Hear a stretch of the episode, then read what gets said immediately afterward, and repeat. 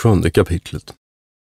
Om folket i gemen som reste till Virginien och huru de amerikaner hava sig emot dem förhållit. Vad folket i gemen anbelangar, som till detta landet reste och översände äro, så finnes det förnämligast hava varit tväggehanda. Nämligen först var själva kompanifolket, vilka alle var och en efter sitt stånd och värde årligen åtnjöto sin lön och månadspenningar. Sedan var en del som hade lust att försöka sig och reste för den skull dit av egen god vilja, vilka och vissa friheter och förmåner blev tillsagda, så att det stod en fritt att bygga och bo där ute efter behag, eller och resa tädan igen när de så lyste. Därför det och till en åtskillnad ifrån de andra kallades frimän. Förutan dessa skickades full rock i förstone dit ett av löst parti och missgärningsmän, vilka där skulle ha blivit brukade som slavar, till att gräva och kasta upp vallar och skansar. Men fingo eljest med de andra intet hava något umgänge, varför och dem en särdeles plats där skulle ha varit tillförordnad att bo på. Först ut i guvernören Johan Prints tid skall här jämväl blivit tillhopa samlat en hop med sådant elakt folk och till denna orten överskickat. Vilket, när de andra europeer där sammastädes förmärkte, havade icke velat tillstäda att en fot av dem skulle där komma på landet, utan måste alla föras tillbaka igen, då större delen under resan är bortödde och omkomne vorne vilket mig en gammal trovärdig man, Nils Mattsson Utter vid namn, ibland annat berättade, som där varit och tjänt ut i tio års tid och efter sin hemkomst därifrån tjänt först här under Kunglig Majestäts livgarde och sedan varit fänrik under Västerbottens regemente och översten herr Åke Ulfsparre, för vilken hans trogne tjänst, hans högtsaliga och glorvördigaste åminnelse konung Karl XI, honom med underhåll av Vadstena krigsmanshus ute sin ålderdom benådat haver. Sedan var vid straff alldeles förbjudet att icke någon som hade elakt rykte om sig skulle till de amerikanska resor antagas. På det att Gud, den allra högste, icke måtte det medföljande goda folket samt skepp och gods med det onda och vanartade sin hämnd och straff övergå låta. Helst som på gott och uppriktigt folk intet var någon mangel, utan hava sig där till sådan myckenhet angivit att ingenjör P. Lindström berättar att vid hans avresa härifrån hava över hundrade familjer gott uppriktigt folk, som alla hade goda bevis och gott rykte om sig, med hustrur och barn, måst blivit på landet kvarståendes, sedan upp på skeppen vore intagne så många som kunde rymmas, vilka hade försålt allt sitt goda och vänt i penningar, förmenades ingalunda att detta deras uppsåt skulle kunna slå dem felt. När de svenske först hava kommit till detta landet är de av de amerikaner väl fägnade, så länge de hade något som dem anstod, och de kunde så handla åt sig. När det felades ville de icke gärna lida dem, utan sökte hur de måtte få tillfälle att döda och utrota dem. Men all den stund de höll de svenske för att vara kloke till att kriga och därtill med vore mycket rädde för deras krigsvapen, som på annat rum skall förmälas, vågade de sig icke gärna därtill. Dock kom det en gång så vida att deras sakeman, eller konung, sammankallade sina äldsta samt gemene man och rågslog och sinsemellan hur det skulle bära sig åt med det svenska. Efter det så intog och bebyggde deras land och hade intet något som de ville mera sälja åt dem. Vilket dock sålunda blev beslutet att de icke skulle utrota dem, utan de ville älska dem, vara deras goda vänner och alltid köpslaga tillsammans helst som de svenska oförtövat väntade dit skepp med allehanda sköna varor, vilken passage min salig farfader magister Johannes Campanius ibland sina kolokia på dessa barbarers språk antecknat haver. och vid slutet av denna traktaten läsas kan. Sedan levde de svenska och dessa amerikaner i god vänskap och enighet, umgåendes alltid med varandra. Särdeles hava det och mycket vistas hos bemälte min salig farfader. Ty när han i förstone höll där gudstjänst ute i de svenska församlingarna, kommer det och sågo på, förundrande sig storligen vad han hade för mycket att säga, efter han så alena stod och talade, och alla de andra med sådan tysthet hörde däruppå. Fattandes om honom helt vidriga inbildningar så som han skulle intala folket några stämplingar emot dem.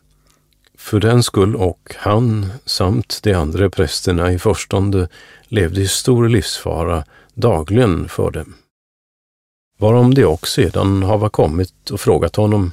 Utav detta fick han tillfälle att tala med och så småningom efterhand undervisa dem om Herren Gud, att han var en till sitt väsende men trefaldig till personerna och hur den samma guden hade skapat världen av intet och en människa utav jord, den han kallade Adam, av vilken alla människor på jorden hava sitt ursprung.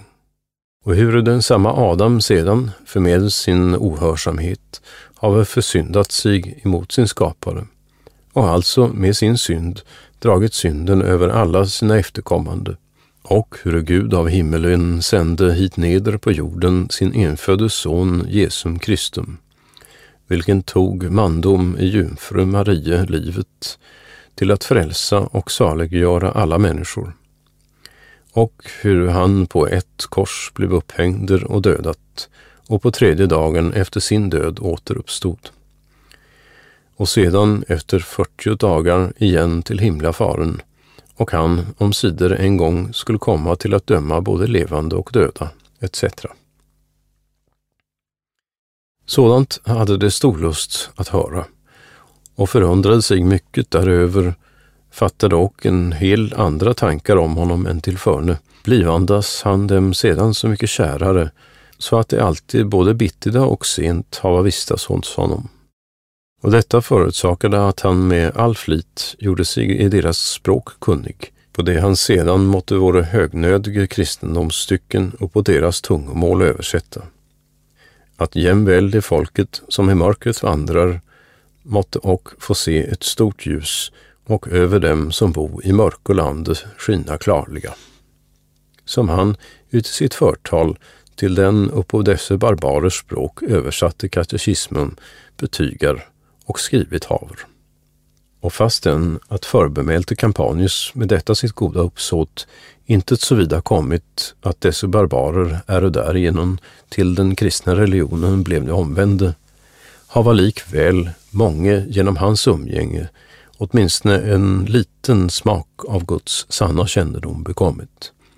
Så att de uti nästan sådana ord hava mest utbrista som kapten Johan Schmidt berättar om de Virginier, nämligen att såvida de kristnas stycken och bössor överging och de barbarers pilar och bågar ut i skjutandet, såvida månde och deras gud övergå de barbarers. Det trohets och vänskapsförbund som de svenska med dessa amerikaner ingått hava de också sedermera förnyat när så de här varande sekreteraren ute Kommerskollegium, herr Johan Claudi Rising, vart förordnad till kommissarius och guvernörens assistensråd i nya Sverige. Vid vilkens ankomst efter då guvernören Johan Printz var dädan rester och han förordnat sin måg, herr Johan Papegoja, i sitt ställe och han jämväl äntligen ville resa därifrån. Ty uppdrogs guvernementet till benämnte Johan Rising. Då han strax vid första anträde såväl med engelska och holländska som med de amerikaner det gamla förbund måtte statsfästa. Om vilket med det senare ingenjör P. Lindström i sin handskrivne traktats andra kapitel sålunda berättar. Den 17 juni, nämligen 1654, församlades i Prinshof tio sakemän eller överstar av de barbarer. Då talades med dem på den stora drottningens vägnar i Sverige och söktes hos dem fred och god vänskap. Påminnandes dem om de länder de svenska hade köpt av dem. De klagade att våra skepp skulle bragt dem ont tillhanda eftersom många blev döde, togs så fram förhäringar och deltes ut dem emellan. När de gåvorna undfått hade, gingo de ut och rådgjorde tillsammans, kommer sedan in igen och talade en benämnd Naman, näste det andra, att de ibland hade talt ont om oss och gjort oss för när. Vi vore gott folk. Se där, sade han, vad det bringa oss, och det bjuda oss vänskap och strök sig så några resor nederåt armen till synnerlig god vänskapstecken. Sedan tackade han på alles deras vägnar för skänkerna och sade att vi här efter en mycket fast vänskap hålla skole. Att om det här hade till dags uti guvernör prinsens tid varit som en kropp och ett hjärta, klappandes sig därmed för bröstet.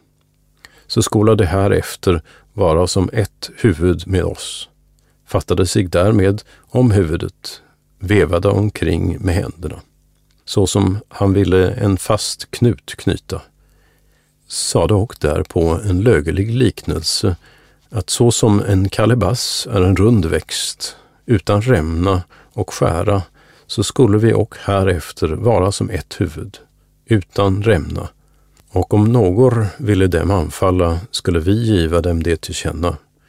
Förnummer det sådant emot oss, så ville det väl mörka midnattstid oss därom varna. Och då därpå svarandes att sådant vore mycket gott, om de alla ville där så bejaka och behålla. Därpå gjorde de alla ett högt rop och samtycke. Lossades alltså styckena, vilket är mycket väl behagade, sägandes Puhuhu, mokrikik pikon. Hör nu, kan tro, går storbössan lös. Och gavs dem där med vin och brännevin. Då stod en annan upp och talade att alle som där voro skulle detta förbund fasthålla och icke oss något förnär göra, icke slå ihjäl våra svin eller annor boskap. Men om någon kunde bevisas att av deras det göra skulle han därför vara straffat androm till varnagel. Vi skulle man sätta några kolonier på Passajunk, varest mestadelen av dem bodde, till att se till om någon funnes därmed, så skulle de straffa där bot och på och konstaterade så att alla det land som vi av dem köpt hade skulle höra oss till. Därpå togs upp köpebreven dock för allenast en del av dem, med resten i Stockholm. Och lästes allenast namnen däruppå. Och då de hörde sina namn höll de mycket därav. Men när någon nämndes som var döder slog de ner huvuden. Därmed hölls uppe.